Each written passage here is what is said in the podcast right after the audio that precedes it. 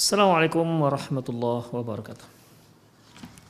Innal hamdalillah nahmaduhu wa nasta'inuhu wa nastaghfiruh wa na'udzu billahi min shururi anfusina wa sayyiati a'malina may yahdihillah fahuwal muhtad wa may yudlil falan tajida lahu waliyan mursyida.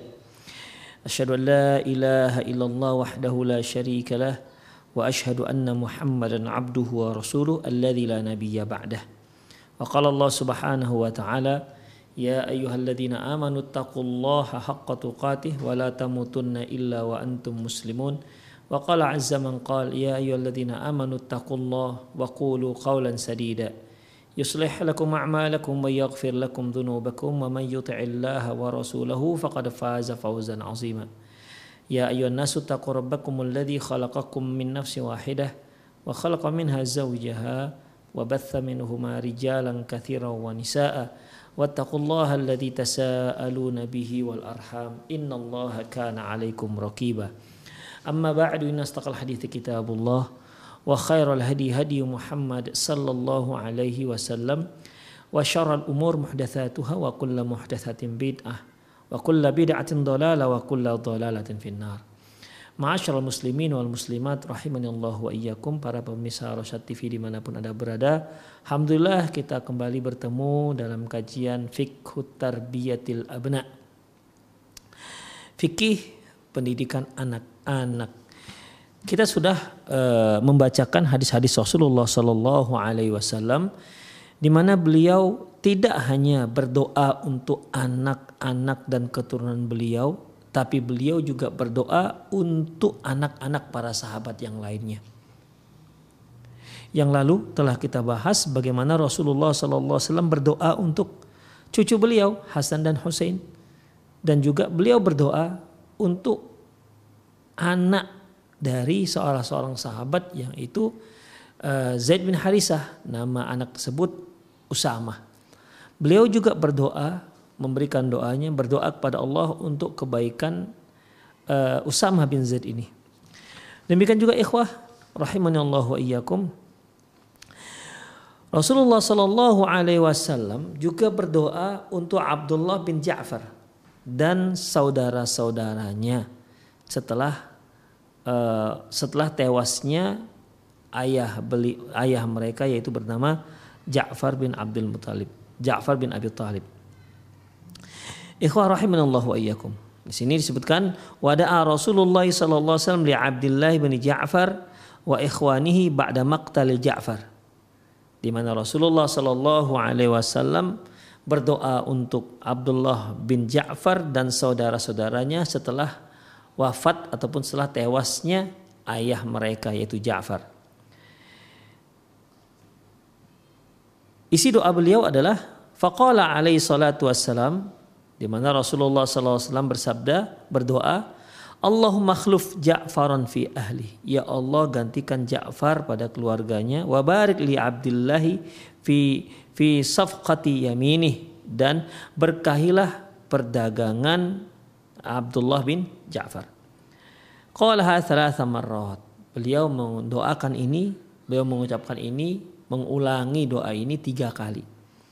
Wa dzalika fi ma akhrajahu Ahmad فيما أخرجه أحمد بإسناد صحيح من حديث عبد الله بن جعفر قال yaitu hadis yang diriwayatkan oleh Imam Ahmad dengan sanad yang sahih dari dari Abdullah bin Ja'far kalau dia berkata ba'atha Rasulullah sallallahu ba'atha Rasulullah sallallahu alaihi wasallam jaishan istamala alaihim Zaidu istamala alaihim Zaid bin Harithah Nabi sallallahu alaihi wasallam uh, mengirim pasukan dan mengangkat komandan sebagai komandan yaitu Zaid bin Harisah.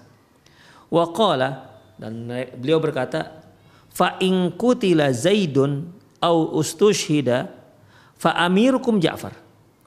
Wasiat beliau kepada pasukan komandan kalian aku angkat komandan kalian yaitu Zaid bin Harisah. Kalau Zaid bin Harisah tewas terbunuh maka penggantinya adalah Ja'far. Wa in qutila au ustushhida fa amirukum Abdullah bin Rawah. Apabila apabila jika ternyata Ja'far juga terbunuh ataupun tewas, maka tampuk kepemimpinan komandan perang langsung dipegang oleh Abdullah bin Rawahah. Falaqa aduwa fa akhadha rayatu fa akhadha rayata Zaidu Zaidu uh, Zaidu faqatala hatta qutil. Maka mereka pun menerjang ke tengah-tengah musuh dan bendera panji uh, panji pasukan bendera panji pasukan itu pegang oleh Zaid. Ya, dan beliau pun bertempur hingga akhirnya beliau pun tewas. Thumma akhadha rayata Ja'far. Kemudian panji tersebut dipegang diambil alih oleh Ja'far. Faqatala hatta qutil. Ja'far pun bertempur ya sambil megang panji ya, ini ikhwah ya bendera ya bendera sebagai tanda komandan pasukan ya. Beliau pun bertempur sambil memegang panji dan akhirnya beliau pun tewas di tangan musuh. Thumma akhadha Abdullah bin Rawaha faqatala hatta qutil. Kemudian panji uh, pasukan ini ya diambil oleh diambil alih oleh Abdullah bin Rawaha. Kemudian beliau pun bertempur hatta qutil hingga beliau pun terbunuh. Summa akhadha rayata Khalid bin Walidi fafatahallahu alaih. Kemudian panji pasukan tersebut diambil alih oleh Khalid bin Walid dan Allah pun memberikan kemenangan atas pasukan tersebut melalui di dalam di pada kepemimpinan Khalid bin Walid. Fa'ata khabaruhum Nabiya sallallahu alaihi wasallam fa kharaja ila nas fa hamidallahu wa athna. Sampailah berita tersebut kepada Rasulullah SAW dan Rasulullah pun keluar keluar menemui orang-orang dan beliau pun uh, memuji dan menyanjung Allah Subhanahu wa taala wa qala dan seraya bersabda ikhwanukum lakul aduwa pasukan kalian telah telah telah bertempur melawan musuh fa inna zaidan akhadha rayata faqatala hatta qutil sesungguhnya zaid sesungguhnya zaid dia yang memegang panji pasukan dia bertempur hingga akhirnya dia tewas. Hatta kutil au ustushid sampai dia tewas atau dia mati syahid. Summa akhadha rayata Ja'far bin Abi Talib faqatala hatta kutil au ustushid. Kemudian panji pasukan tersebut diambil alih oleh Ja'far. Kemudian dia pun kembali bertempur. Dia kembali bertempur hingga akhirnya dia pun tewas. Summa akhadha rayata Abdullah bin Rawahah faqatala hatta qutil au ustushhid. Kemudian panji tersebut pun diambil oleh diambil alih oleh Abdullah bin Rawah, dia pun bertempur hingga beliau pun tewas. Summa akhadha rayata sayfun min suyufillah. Ya.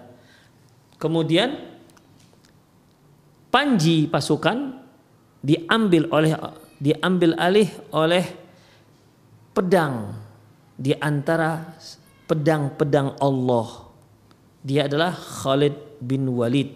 Fafatahallahu alaihi dan akhirnya pasukan pun men, pasukan pun mendapatkan kemenangannya melalui di bawah kepemimpinan Khalid bin Walid. Di sinilah ikhwah Khalid bin Walid mendapatkan julukan Saifullah karena Rasulullah katakan, "Humma akhadha rayata sayfun min suyufillah." Kemudian setelah tewasnya Abdullah bin Rawaha, maka panji panji pasukan dipegang oleh salah seorang dari pedangnya Allah. Ya, pedangnya Allah.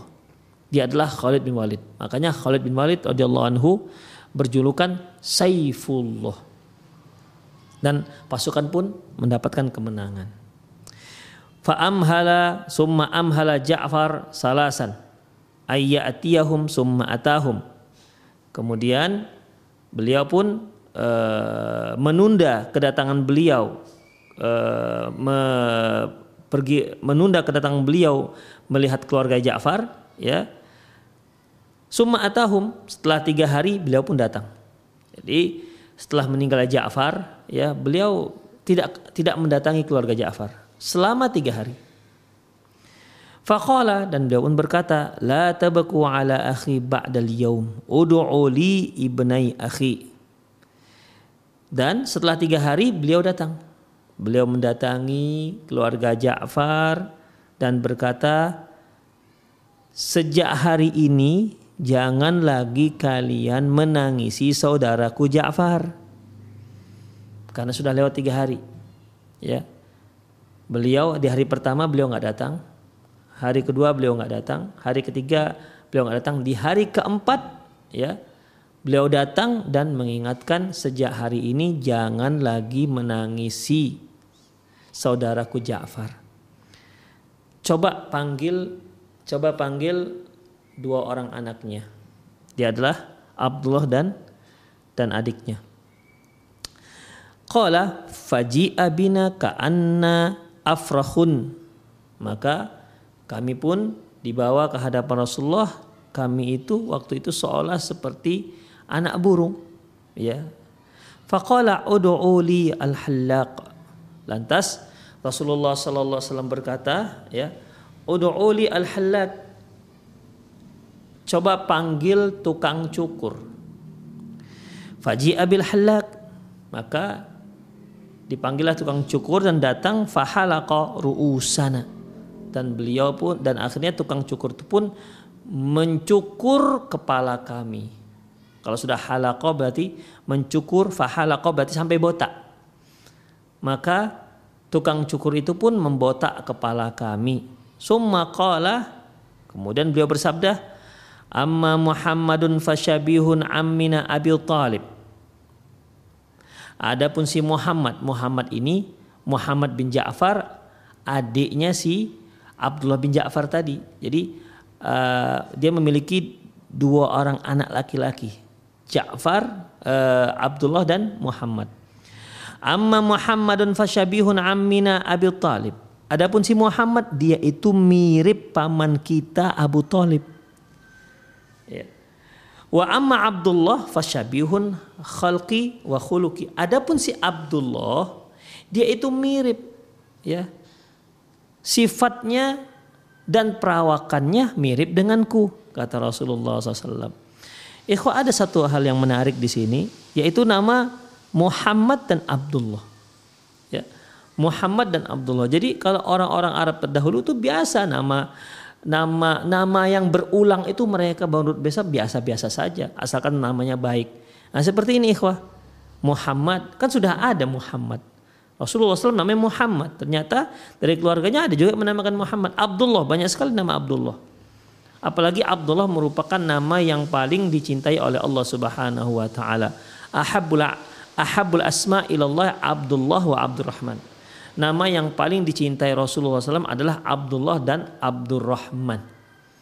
Demikian ikhwah Allah wa ikum. Jadi jelaslah bahwasanya tidak eh, uh, masalah ya kita memiliki nah, anak yang namanya itu nama yang sudah biasa di, di dipakai oleh orang-orang. Tidak harus mencari nama-nama yang aneh-aneh yang belum ada sebelumnya. Ya, tidak harus seperti itu ikhwah. Ya.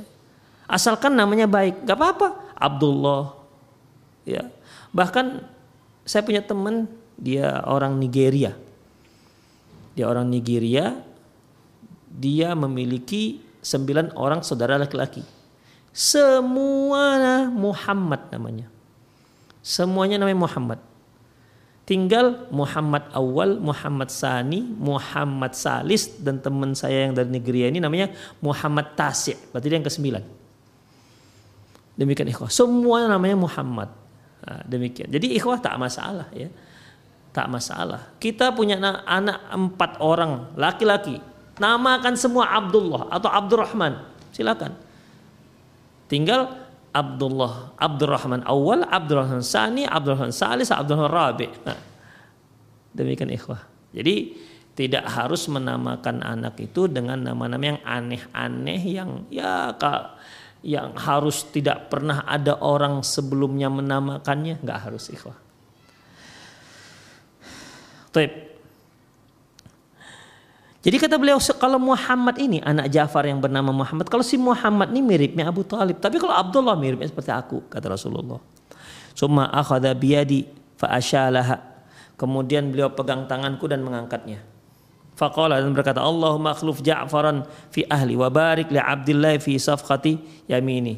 Ya Allah, gantikanlah Ja'far gantikanlah keluarga gantikanlah keluarga Ja'far dengan gantikanlah gantikanlah Ja'far dalam keluarganya dan berkatilah berkahilah uh, perdagangan Abdullah. Qalaha thalatha marrat. Beliau ya beliau mengucapkannya mengulangnya tiga kali qala fajaat ummuna fadzakarat lahu yatamuna lantas Tak lama kemudian datanglah ibu kami. Ya, datanglah ibu kami dan ibu kami itu pun mengeluhkan tentang keyatiman kami. Ya, berarti waktu itu Abdullah dan Muhammad ini masih masih belum balik karena yang dikatakan anak yatim adalah man mata abuhu wa ma, man, man mata abuhu alam yablugh. Mereka yang meninggal ayahnya tapi belum balik. Demikian berarti Abdullah dan Abdullah dan Muhammad ini belum balik. Makanya beliau e, ibunya mengeluhkan mereka masih kecil, ini gimana nafkahnya, gimana caranya dan seterusnya ikhwah. Karena tulang punggung keluarga sudah meninggal dunia tewas dalam jihad fisabilillah. Faja'alat tufrihu lahu Faqala ala'ilata takhafina alaihim Lantas Rasulullah SAW berkata, bersabda, apakah kamu takut kefakiran? Apakah kamu takut mereka fakir, mereka miskin? Wa ana waliyuhum fid dunya wal akhirah. Sementara aku adalah wali mereka di dunia dan di akhirat. Demikian ikhwah. Jadi uh, Rasulullah, uh, Rasulullah menghibur ibunya Abdullah dan Ja'far ini, Abdullah dan uh, dan Muhammad ini agar jangan sedih, jangan jangan khawatir, jangan khawatir. Kamu jangan takut akan kekurangan mereka, kekurangan uh, ekonomi mereka. Aku sebagai wali mereka, ya aku adalah walinya di dunia dan tidak hanya di dunia bahkan di akhirat. Jadi dari hadis ini ikhwah rahimanallahu ikum Rasulullah SAW mendoakan anak Ja'far. Padahal anak Ja'far itu bukan anak kandung beliau tapi beliau tetap mendoakan ya anak-anak para sahabat yang lainnya. Kemudian beliau juga berdoa untuk seorang anak perempuan. Ya. Akhraj al-Bukhari min hadisi min hadisi Ummi Khalid binti Khalid bin Sa'id. Diriwayatkan oleh Imam Bukhari dari hadis Ummu Khalid bin Khalid bin Sa'id qalat dia berkata, "Ataitu Rasulullah SAW ma'a abi." Aku datang mendatangi Rasulullah SAW sama ayahku. Aku dan ayahku datang ya pergi ke rumah Rasulullah wasallam. Wa alayya qamisun asfar. Kata Ummu Khalid, ini kan yang menceritakan Ummu Khalid nih, ya. Waktu itu aku makai uh, baju warna kuning. Qala Nabi sallallahu alaihi wasallam, lantas Nabi mengatakan padaku sana sana artinya bagus bagus. Nah, demikian. Ya. Kemudian Qalat fadhahabtu al'abu bi khatamin nubuwati fazabarani abi. Maka aku pun memain-mainkan tanda kenabian Nabi SAW. Ya. Jadi ikhwah rahimno di di punggung Rasulullah ini ada ya seperti telur puyuh lah gitu ya. Itu salah satu tanda kenabian dan itu yang dimain-mainkan oleh Ummu Khalid waktu itu masih kecil ikhwah. Ya.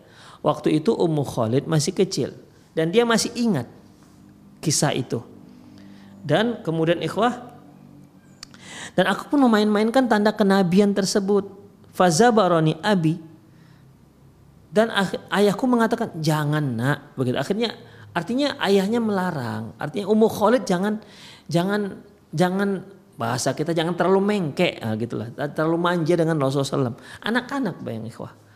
Anak-anak ya bertemu dengan Rasulullah bukan takut ya malah mereka sangat dekat dengan Rasulullah SAW. Mereka tidak takut dengan Rasulullah SAW. Kan banyak kan anak-anak itu kalau dengan orang takut begitu kan. Tapi anak-anak para sahabat tidak seperti itu dengan Rasulullah SAW. Ya, seperti kalau kita lihat ikhwah, terkadang datang anak-anak, Rasulullah pangkulah mereka. Ya, kadang-kadang ada anak bayi, beliau gendonglah itu anak bayi sampai beliau dipipiskan. Dipipisi oleh si anak bayi tersebut. Dan itu biasa terjadi pada diri Rasulullah SAW. Dan itu bukan anak, bukan bayi beliau, tapi anak sahabat yang lain. Sebagaimana kisah di mana Rasulullah SAW ketika datang sahabat kemudian e, membawa anak bayinya dan Rasul pun menggendong si bayi dan diompolin oleh si bayi.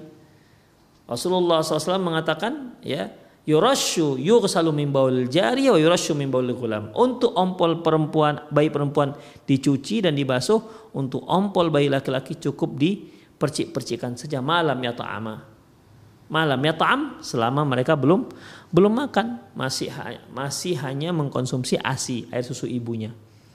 Demikian ikhwah ini menunjukkan bagaimana cintanya sayangnya Rasulullah Shallallahu Alaihi Wasallam terhadap anak-anak.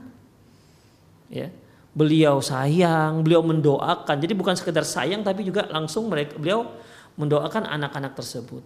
Demikian ikhwah rahimani Allah wa iyyakum ya.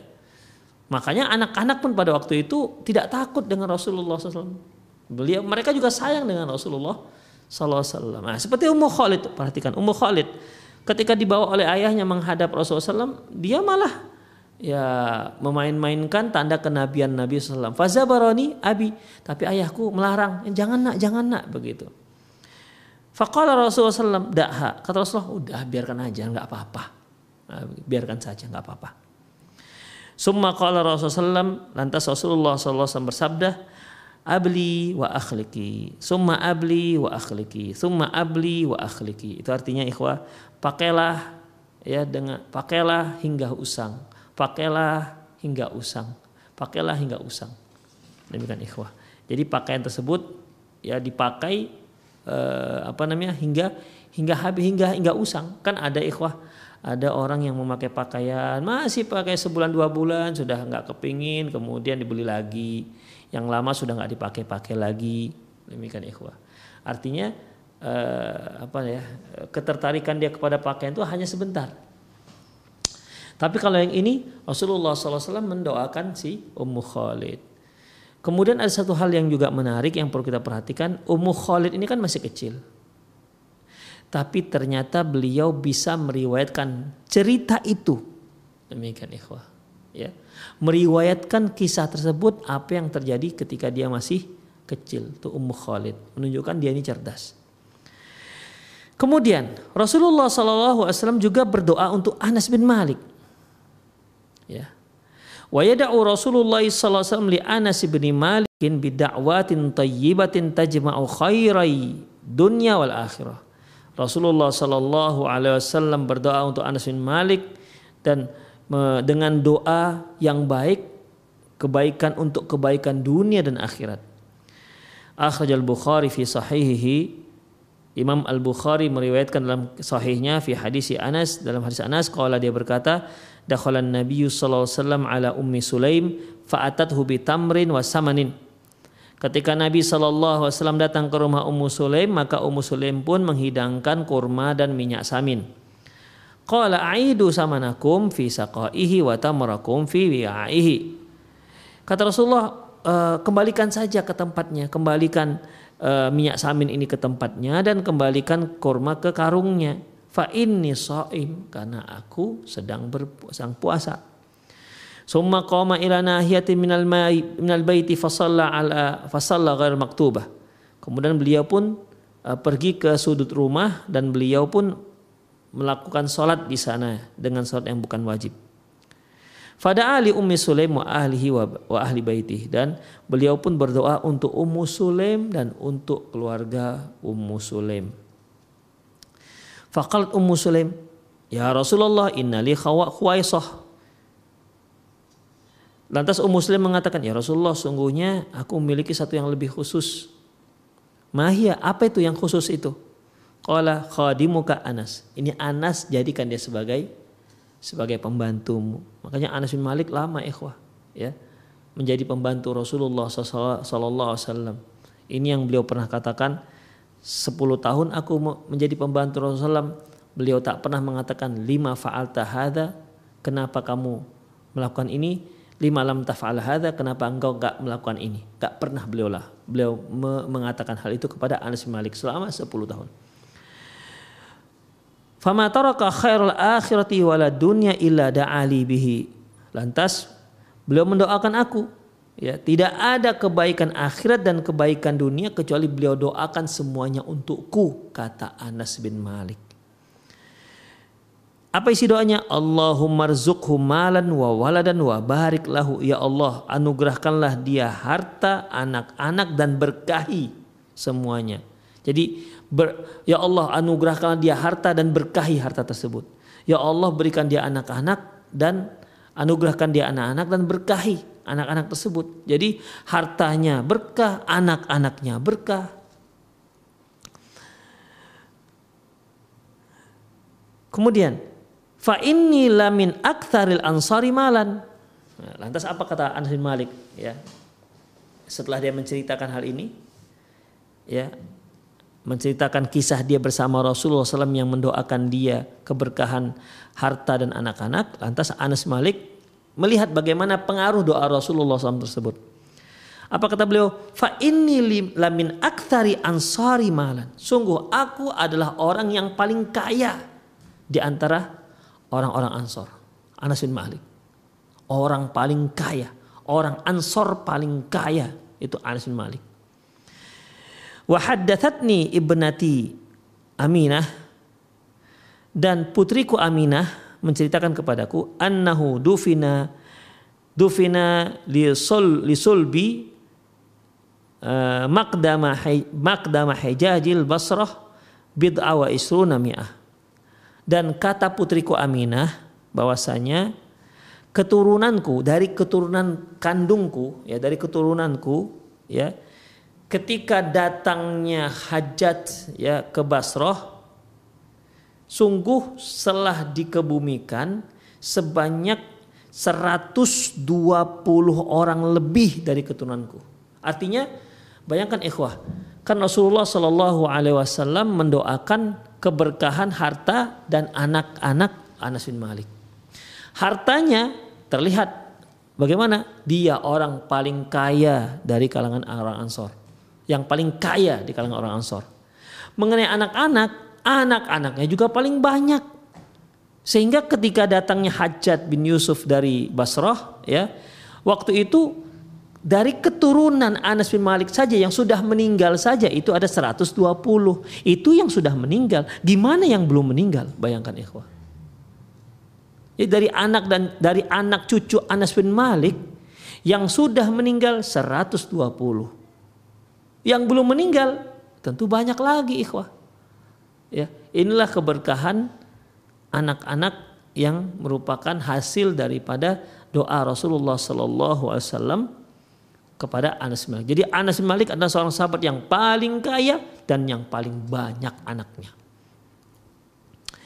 Wa fi riwayat Muslim dalam hadis yang diriwayatkan oleh Imam Muslim min hadis Anasin dari hadis Anas kadzalika demikian juga qala Anas sebagaimana dikatakan Anas dakhala Nabi sallallahu alaihi wasallam alaina Nabi wasallam mendatangi datang ke rumah kami wa ma huwa illa ana wa ummi wa ummi haram khalati yang di rumah waktu itu ya yang ada di rumah saya, ibuku dan bibiku Ummu Haram. E, saudara ibunya ya. Saudara ibunya Ummu Sulaim. Faqala qumu li usalli bikum. Kata Rasulullah, bangkitlah ya, aku akan salat mengimami kalian. Fi ghairi waktu salat. Ya, salat ini bukan waktu salat ya. Salat, salat sunnah yang lain. Fasalla bina maka beliau pun sholat mengimami kami. Faqala rajulun li thabitin. Lantas seorang berkata kepada Thabit, "Aina ja'ala Anas minhu?" Di mana Rasulullah meletakkan posisi Anas ketika sholat? Qala ja'alahu ala yaminih. beliau mengatakan, Anas bin Malik ditempatkan oleh Rasulullah SAW di posisi sebelah kanan. Ini menunjukkan ikhwah kalau ini kan yang laki-laki cuma satu nih, ya. Yang laki-laki hanya satu, perempuan dua. Jadi posisinya Rasulullah sebagai imam, sebelah kanan Anas bin Malik, di belakang baru kemudian di belakang itu perempuan, yaitu Ummu Haram dan Ummu Ummu Sulaim. Nah, demikian ikhwah, ya.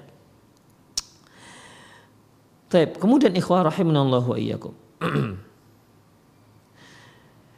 Summa da'alana ahlu baiti bikulli khairin wa khairid dunya wal akhirah. Kemudian beliau mendoakan kami seluruh penghuni rumah ya semua uh, penghuni rumah untuk mendapatkan kebaikan dunia dan akhirat. Faqalat ummi. Lantas ibuku berkata, "Ya Rasulullah, khuwaidimuk. Ya Rasulullah, gimana dengan pembantu kamu yang kecil ini?" Ya kan kan Anas bin Malik memang sengaja diserahkan oleh ibunya Ummu Sulaim untuk dijadikan sebagai pembantu Rasulullah.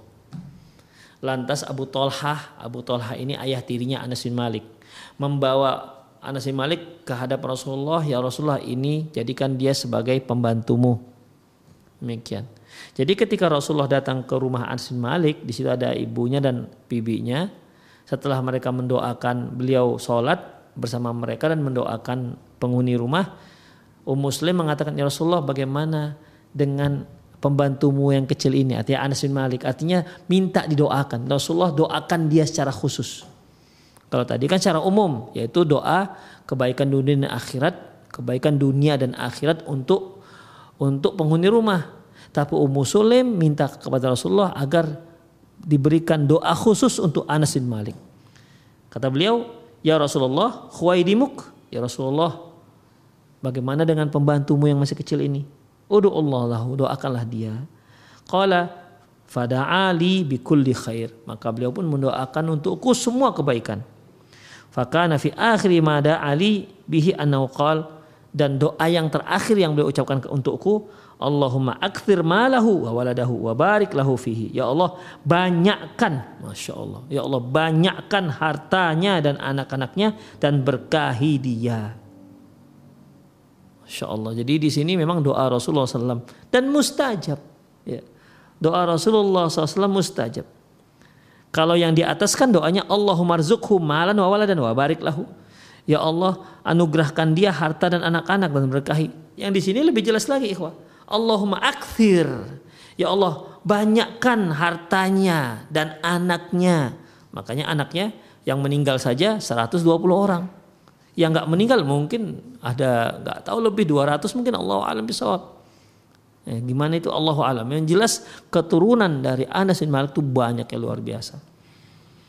Allahumma akthir malahu wa waladahu. Ya Allah, perbanyaklah harta, banyakkan hartanya dan anaknya. Wa barik lahu fi dan berkahi dia. Berkahilah si Anas di dalam hartanya, pada hartanya dan anak-anaknya.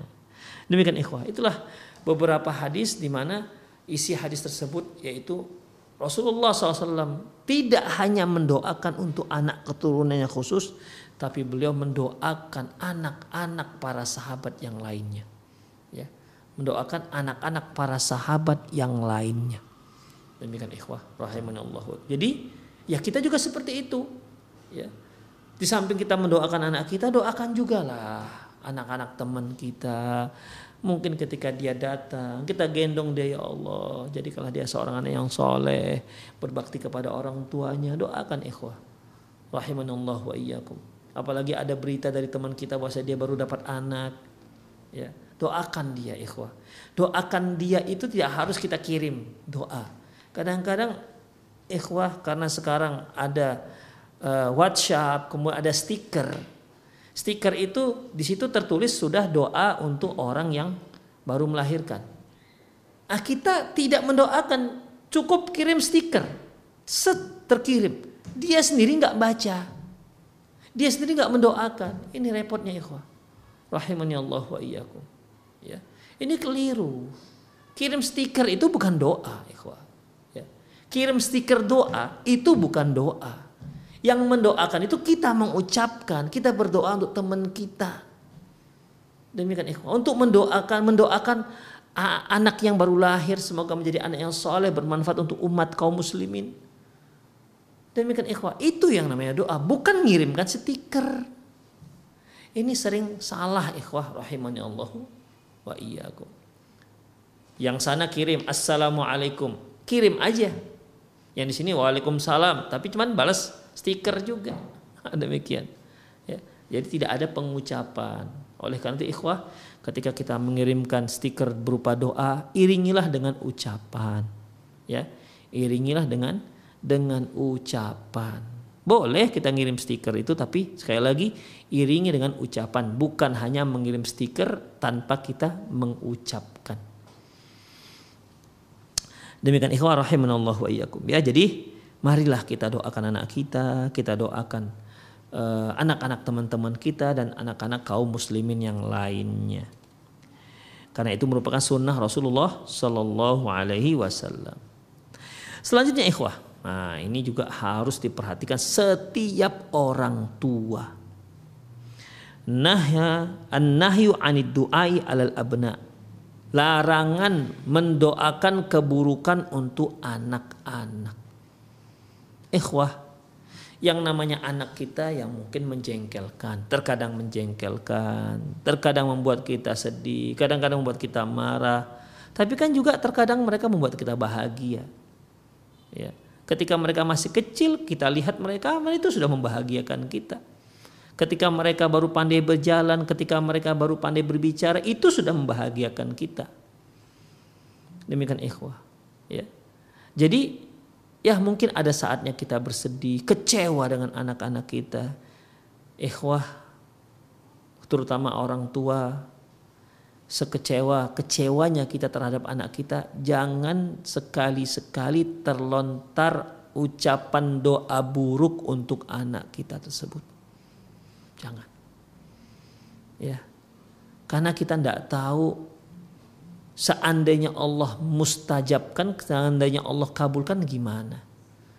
Akhirnya kita yang menyesal. Kita ketika kita kesal, ketika kita kecewa dengan anak kita, mungkin spontan kita katakan, kita doakan kamu beginilah nak, begitu kan? Ya mungkin itu di ucapan itu doa tersebut kita lontarkan dengan tak pakai pikir-pikir panjang karena kita sedang marah. Makanya tahan diri kita. Ya, Sejengkel-jengkelnya kita dengan anak kita, jangan sekali-kali berdoakan, mendoakan keburukan untuk anak kita. Jangan, jangan, dan jangan. Makanya Rasulullah Shallallahu Alaihi Wasallam melarang, ikhwah. Nanti kalau seandainya kita ter, terlanjur sudah mendoakan dan di, dikabulkan oleh Allah gimana? Siapa yang menyesal? Kita juga orang tua yang menyesal. Ya, kita orang tua yang menyesal. Kadang-kadang orang tua ini sembrono, ikhwah Kesel dengan anaknya. Semoga kau ditabrak mobil lah nak. Betul ditabrak. Siapa yang nangis duluan kalau nggak emaknya? Kalau nggak orang tuanya? Kan menyesal. Gara-gara doa. Demikian ikhwah. Rahimani Allah wa iyyakum. Kadang-kadang karena marah dan tak terbiasa dengan ucapan-ucapan yang baik didoakan ah matilah kau nak begitu naudzubillah min dzalik ya dan ikhwah ini termasuk doa yang buruk. Jangan. Ya, nggak ada gunanya kita mendoakan anak-anak kita dengan keburukan, tidak ada. Wahdar asyad dan hadar. Hati-hati, waspadalah. Ya. Waspadalah antada'u ala abnaika. Jangan sampai kamu berdoa buruk untuk anak-anakmu faqad tuwafiqu da'watak waqtan mustajabah fihi du'a. Fayustajabu da'wataka ala waladik fatujni anta akibataha karena bisa saja di saat kamu mendoakan anak kamu dengan keburukan itu bertepatan di waktu yang mustajab sehingga Allah mengabulkan doamu. Akhirnya kamulah biang karena dia dia mendapatkan hukuman tersebut. Kamulah biangnya karena kamu yang mendoakan keburukan tersebut. Demikian. Kamu yang mendoakan keburukan bertepatan di hari, bertepatan di waktu yang memang mustajab doa Allah kabulkan. Jadi yang jahat ini siapa? Ya Anda karena Anda telah mendoakannya dengan keburukan. Yang namanya anak-anak buat kesal, buat marah ya mungkin kita dulu seperti itu juga waktu kecil atau ketika kita berstatus sebagai seorang anak Demikian. Jadi dan nggak ada gunanya juga kita mendoakan keburukan untuk anak kita. Apalah gunanya? Kan sekedar untuk melampiaskan kejengkelan kita saja kan. Hanya itu, nggak ada faedah sama sekali. Tidak ada faedah dunia apalagi akhirat. Semuanya merugikan. Makanya harus larang, jangan. Semarah-marahnya kita dengan anak kita, jangan sampai terlontar dari lisan kita doa yang buruk terhadap anak kita. Makanya di sini, ihdar asyaddul hadar Hati-hati dengan sangat hati-hati. Ya, jangan sampai terlontar doa yang buruk. Wa fi sahih Muslim dalam kitab Sahih Muslim min hadis Jabirin At-Tawil dari hadis Jabir yang panjang anna rajulan qala li ba'irihi bahwasanya seorang laki-laki itu berkata kepada untanya syah la'anakallah katanya heh Allah melaknatmu katanya dia ngomong itu ke untanya ya mungkin untanya lambat ya. Atau kita tidak tahu lah mungkin dia jengkel dengan dengan untanya atau iya mungkin kalau dia kalau dia kendaraan kita sekarang asik mogok aja begitu. Pakai dua hari tiga hari mogok gitu. Akhirnya eh, terlaknatlah kau gitu begitu. Jadi si si laki-laki nih yang dia laknat untanya.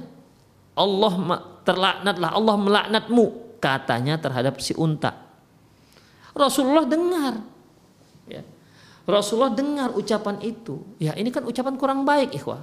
Terus apa untungnya? Untuk dia kalau Allah melaknat tuh unta. Apa untungnya? Nggak ada juga kan. Kan mendingan gak usah dilaknat. Kalau emang dia nggak suka potong makan. Begitu kan. Sembelih tuh unta makan. Demikian. Kenapa harus dilaknat-laknat? Faqala Rasulullah sallallahu alaihi wasallam. Lantas Rasulullah sallallahu alaihi wasallam bersabda, Man hadzal la'inu ba'irah? Siapa yang tadi melaknat yang telah siapa tadi yang telah melaknat untanya? Rasul tanya. Ya mungkin Rasul mendengar kan, ih ada yang melaknat untanya. Rasul tanya, siapa tadi yang telah melaknat untanya? Qala ana ya Rasulullah. Laki-laki itu pun mengaku, saya ya Rasulullah. Qala inzil anhu. Kata Rasulullah, turun kamu dari untamu. Fala tusahibna al-mal'un Jangan ada yang terlaknat ikut dalam rombongan kita. Begitu. Jangan sampai ada yang terlaknat itu ikut dalam rombongan kita. Maka sahabat tersebut turun, laki-laki tersebut turun dan untanya pun dibiarkan. Demikian ikhwah. Karena Rasulullah melarang, tidak ada yang boleh yang ikut rombongan kita yang terlaknat. Kamu sudah melaknat untamu, jadi kamu turun biarkan unta pergi sendiri. Jangan dia berada di rombongan kita. Ya mungkin akan membawa malapetaka unta-unta yang terlaknat karena dia yang mendoakan untanya terlaknat tersebut. Lantas Rasulullah SAW memberikan wejangan kepada semua para sahabat waktu itu. La tad'u ala anfusikum. Jangan kalian berdoa buruk terhadap diri kalian. Ya, jangan. Bahkan ikhwah, berdoa seperti ini juga nggak boleh. Seperti ini ikhwah. Karena ada seorang sahabat yang sakit, ya sakit-sakitan terus. Lantas ketika dia dijenguk oleh Rasulullah Shallallahu Alaihi Wasallam, Rasulullah tanya, sepertinya ada yang kamu lakukan hingga kamu seperti ini, kehidupanmu susah, sakit terus. Apa yang telah kamu lakukan? Apa yang telah kamu ucapkan? Apa kata si sahabat? Ya Rasulullah, sungguhnya aku telah berdoa kepada Allah, ya Allah seandainya engkau mengadabku di akhirat sekarang saja adab di dunia. Begitu doanya. Ya Allah, seandainya nanti engkau azab aku di akhirat, mendingan sekarang aja engkau azab aku. Apa kata, kata Rasulullah? La tutiku, kamu nggak sanggup, nggak akan sanggup mengembannya. Kenapa nggak kamu ucapkan Rabbana atina fid dunya hasanah wa fil akhirati hasanah? Kenapa engkau nggak doakan ya Allah berikan aku kebaikan dunia dan kebaikan akhirat? Itu lebih bagus ketimbang kamu me, me, me, berdoa seperti itu. Itu kan artinya berdoa buruk untuk dirinya. Nggak boleh ikhwah. Rahimanallah wa iyyakum. Ya, yang seperti itu saja nggak dibolehkan. Karena takut. Ini kan sahabat yang tadi itu karena takutnya dengan akhirat, dengan azab akhirat. Ya Allah kalau memang nanti engkau azab aku, sekarang aja dah. Begitu. Kan karena takutnya dia maka dia berdoa seperti itu. Tapi ternyata dilarang dilarang berdoa seperti itu. Ya. Rasulullah memberikan tuntunan doa yang lebih baik. Rabbana atina ya Allah. Berikan kami fid dunya hasanah. Berikan kami, anugerahkan kepada kami kebaikan di dunia wa fil akhirati hasanah dan kebaikan di akhirat. Masya Allah. Islam memang luar biasa, agama yang luar biasa yang paling faham untuk kemaslahatan manusia dan seluruh makhluk, maslahat dunia dan maslahat akhirat. Gak ada agama yang seperti ini, ikhwah. Ya, gak ada yang agama seperti ini. kalau kita lihat dari konteks ceritanya maka bisa kita katakan berdecak kagum oh baru ini bagus ini ya daripada dia diazab di akhirat dengan azab sekarang ternyata nggak seperti itu ya Islam nggak mengajarkan seperti itu demikian ikhwah. Sama ketika ketika paman beliau lupa saya Hamzah apa Ja'far di mana waktu itu uh, sedang sakit parah. Ya. Lantas pamannya itu minta minta mati. Ya, minta mati. Rasulullah katakan Rasulullah ajarkan yang baik yang lebih baik ketimbang minta mati. Karena nggak ada faedahnya minta mati apa kata Rasulullah SAW? La tada la la la yad'una ahadukum al maut. Janganlah salah seorang kalian minta mati. Kemudian beliau ajarkan, kalaupun memang sudah nggak tahan lagi, maka doakanlah Allahumma in kanatil hayat khairun li Allahumma ahyini in kanatil hayat khairun li wa tawaffani in kanatil wafat khairun li Ya Allah apabila kehidupan itu baik untukku maka panjangkan usiaku. Dan apabila kematian itu baik untukku maka matikan aku. Itu yang terbaik. Artinya kalau memang mat, uh, kehidupan itu baik untuknya, maka hidupkan. Artinya panjangkan usia. Sehingga usia sisa usianya itu bisa dia isi dengan taubat nasuha, dengan menambah amal pahala, bekal memperbanyak bekal untuk menghadapi kematian. Demikian ikhwah. Dan bisa bertobat atas dosa-dosa yang dilakukan. Kalau seandainya sisa sisa hidupnya itu ternyata nggak baik untuknya hanya menambah dosa dan kemaksiatan, ya matikan aja. Kan begitu maksudnya ikhwah.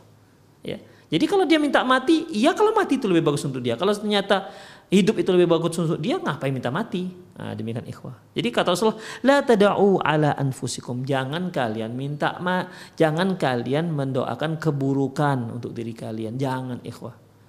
Ya, jangan saking Eh, dia menderita ya Allah matikan aja saya ya Allah. Begitu. Jangan. Jangan. Tetap doakan kebaikan untuk diri kita. Wala tad'u ala auladikum. Jangan kalian doakan keburukan untuk anak-anak kalian. Wala tad'u ala amwalikum. Dan jangan kalian berdoakan keburukan untuk harta kalian. Ya jangan la tuwafiqu fillah minallahi sa'atan yus'alu fiha ata'un fayastajibu lakum. Karena bisa saja di saat kalian berdoa bertepatan saat-saat yang Allah saat-saat mustajabnya doa sehingga Allah kabulkan doamu. Kalau sudah terkabulkan doa, nyesal kan? Nyesal. Demikian ikhwah. Karena memang yang diminta itu nggak ada pentingnya, tidak ada maslahatnya, tidak ada untungnya sama sekali untuk dunia dan akhirat. Inilah Islam ikhwah, agama yang sangat luar biasa. Ya. Agama yang sangat luar biasa. Demikianlah ikhwah, para pemirsa sekalian, kajian kita ya. Uh, di samping kita berdoa untuk anak-anak kita, juga kita doa untuk anak-anak kaum muslimin yang lainnya. Karena kalau anak kita soleh, kemudian teman-teman yang soleh, masya Allah kan tercipta masyarakat yang soleh dan solehah Demikian ikhwah. Kuat kaum muslimin kalau dia dekat dengan agamanya. Kemudian yang terakhir tadi jangan sekali-sekali berdoa untuk berdoa buruk untuk anak-anak sama sekali. Tapi ikhwah itu saja kajian kita semoga bermanfaat. Aku luka hadza wa astaghfirullah li wa wal muslimin innahu wal ghafur rahim. Bagi para pemirsa yang ingin bertanya silahkan dikirimkan pertanyaannya. Silahkan telepon langsung boleh dengan nomor yang sudah ada tertera di pesawat televisi Anda atau boleh juga pertanyaan melalui via WhatsApp ya dengan nomor yang sudah ada di juga di layar televisi Anda. Nah,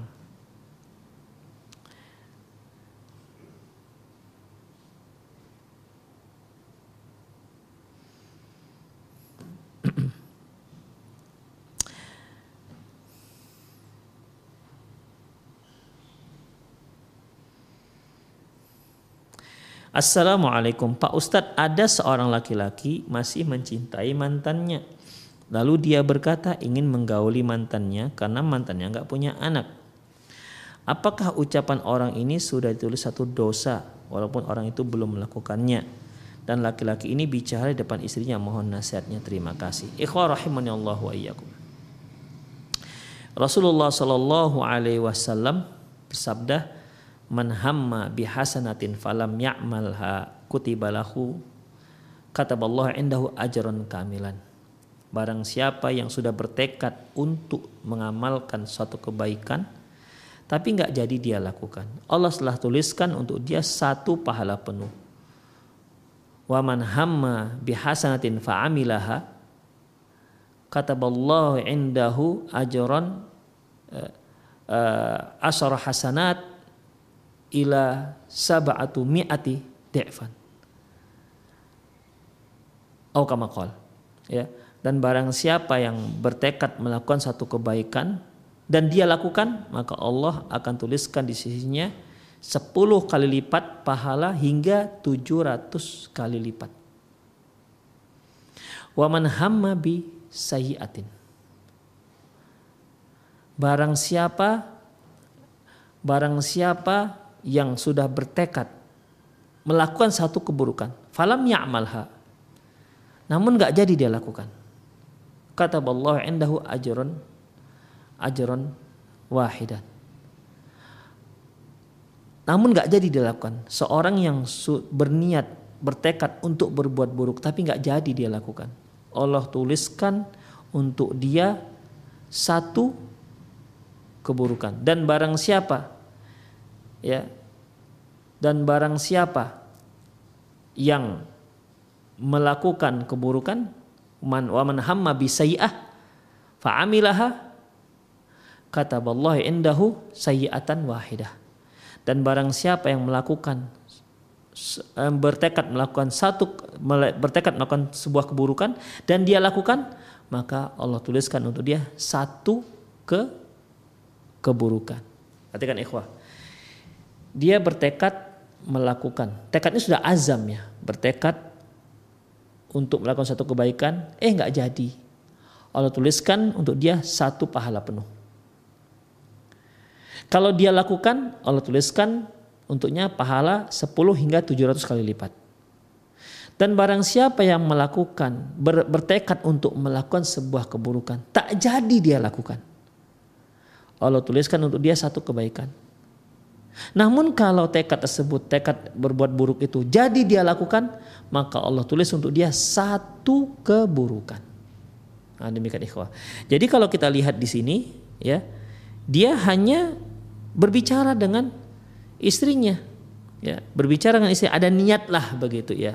Ada niat. Tapi kan belum dilakukan. Maka yang seperti ini belum tertulis satu dosa. Hingga dia lakukan ketika dia lakukan ya ketika dia lakukan maka dia ditulis telah melakukan satu dosa perzinahan. Demikian ikhwah. Tapi ada satu zina yang kata Rasulullah SAW semua orang nggak bisa terlepas dari zina tersebut. Yaitu zina mata dengan melihat zina telinga dengan mendengar. Ya zina tangan dengan memegang zina kaki dengan melangkahkan kaki ke tempat maksiat itu zina wal farju yusaddiquhu dan kemaluanlah yang membenarkannya kalau seandainya dia melihat sesuatu tertarik, tergugah syahwatnya, maka itu zina. Tapi dosa zina yang hakiki tidak hakiki. Tapi dia sudah dosa. Hanya saja itu belum lagi berupa dosa zina yang hakiki. Namun apabila dia perturutkan ya hawa nafsunya hingga dia berzina dengan wanita yang menggugah yang telah membuat gejolak syahwatnya bergejolak maka ya maka ditulis untuk dia satu dosa perzinahan dan apabila di sana ada hukum Islam diterapkan untuknya hukum Islam. Jika dia seorang penjaga ting-ting dicambuk seratus kali, jika dia sudah berkeluarga dirajam sampai mati. Demikian ikhwah Allah wa iyyakum. Jadi kalau yang sampai baru seperti ini yaitu belum ditulis satu dosa. Tapi adalah dosa yang lain yaitu berupa zina mata tadi. Ya mungkin dia komunikasi dengan temannya itu dan seterusnya. Bismillah, izin bertanya Ustaz. Ana Yuli dari Tegal, sebagai seorang ibu terkadang Ana masih terbawa emosi saat mendidik terutama perkara akhlak dan ibadah. Tanpa disadari terkadang terucap kata-kata yang kurang nyaman kasar kepada anak-anak. Mohon pencerahan Ustadz, bagaimana cara memperbaiki emosi anak? Dan bolehkah anak berdoa jangan dikabulkan ucapan-ucapan anak yang buruk ke anak-anak Allah, ke anak-anak kepada Allah Subhanahu wa taala. Barakallahu fik. Jazakumullah khair. Ibu yang Ibu Yuli dari Tegal yang semoga Allah Subhanahu wa taala senantiasa menjaga ibu ya dan memperbaiki kondisi ibu. Ikhwah ini kan marah namanya. Ya, ini kan marah. Kesal dengan anak. Saya kira tidak ada seorang pun di muka bumi ini yang nggak pernah kesal dengan anaknya. Hanya mungkin tingkatnya berbeda. Ya, hanya mungkin tingkatnya berbeda. Tapi ya anak-anak ya tetap anak-anak. Seperti yang eh, sudah kita singgung tadi, terkadang membuat kesal, terkadang membuat buat kita bahagia. Demikian ikhwah. Ya. Taib. Gimana kalau tanpa disadari? Ah, di sini yang bermasalah. Ya, jangan sampai tak disadari. Tanpa disadari dia berdoa buruk terhadap anak-anaknya. Ini tidak boleh terjadi. Ya, tidak boleh terjadi. Kita harus berusaha mengendalikan diri dalam masalah ini. Bagaimana caranya? Pertama banyak-banyak berdoa kepada Allah Subhanahu wa taala. Ya Allah, berikan aku kemampuan untuk mengendalikan emosi saya ya. Mohon petunjuk dari Allah, mohon Allah berikan ketenangan. Ya Allah berikan ketenangan diriku ketika aku menghadapi masalah anak-anakku. Mohon kepada Allah, mohon mohon uh, apa namanya curahkan air mata di malam-malam yang gelap gulita. Ibu mohon kepada Allah. Semoga Allah bisa harapannya agar Allah menjauhkan sifat seperti ini. Demikian ikhwah, ya. Tidak bisa tanpa disadari itu tidak bisa lagi. Itu nggak jadi alasan tanpa disadari itu. Iya Ustadz kok tanpa disadari harus dikendalikan tidak ada jalan lain. Jangan sampai nggak sadar. Ya, bagaimana bagaimana tidak ikhwah? Kalau tanpa disadari kemudian dia doakan buruk pada anak-anaknya, dia berdoa buruk untuk jangan-jangan untuk dirinya juga dia doakan buruk kan nggak bisa diterima dalam masalah ini. Makanya ikhwah, para ibu, ibu yang ada di Tegal, ya doa. Pertama doa kepada Allah, mohon kemudahan dari Allah Subhanahu wa taala untuk mendidik anak dan terutama mohon pada Allah agar ibu bisa mengendalikan emosi. Memberikan ketenangan hati di saat kesal. Yang kedua yang ibu lakukan, coba perhatikan bagaimana, coba cari bagaimana kiat sunnah Rasulullah, kiat Rasulullah SAW dalam mengendalikan amarah. Kalau kita lihat hadis-hadisnya, Rasulullah SAW pernah melihat dua orang yang sedang bertengkar hatta intafaqat audajuha sampai urat-urat lehernya itu apa namanya tegang Rasulullah berkata kepada sahabat yang di sampingnya, "Inilah a'lamu kalimatan law qalaha la dhahaba anhu mayajid." Rasulullah berkata kepada sahabat di sampingnya, Aku tahu satu kalimat, kalau mereka itu yang sedang marah-marah itu mengucapkannya, hilang semua amarahnya. Apa ucapan itu? A'udzubillahi minasyaitonirrajim. Jadi ketika ibu mau mulai kesal, ini kan nampak kan tanda-tandanya mulai tuh, tanda-tandanya. Mulai kesal ya, maka terus a'udzubillahi. Demikian, ibu ucapkan itu. Ibu ucapkan. Demikian. Enggak bisa sekali, dua kali. Auzubillah. Auzubillah Auzubillah minasyaitonir Kemudian Rasulullah SAW juga mengajarkan kepada kita apabila salah seorang kalian apa namanya marah dalam keadaan berdiri maka hendaklah dia duduk. Kalau enggak juga silakan dia tidur. Demikian ya.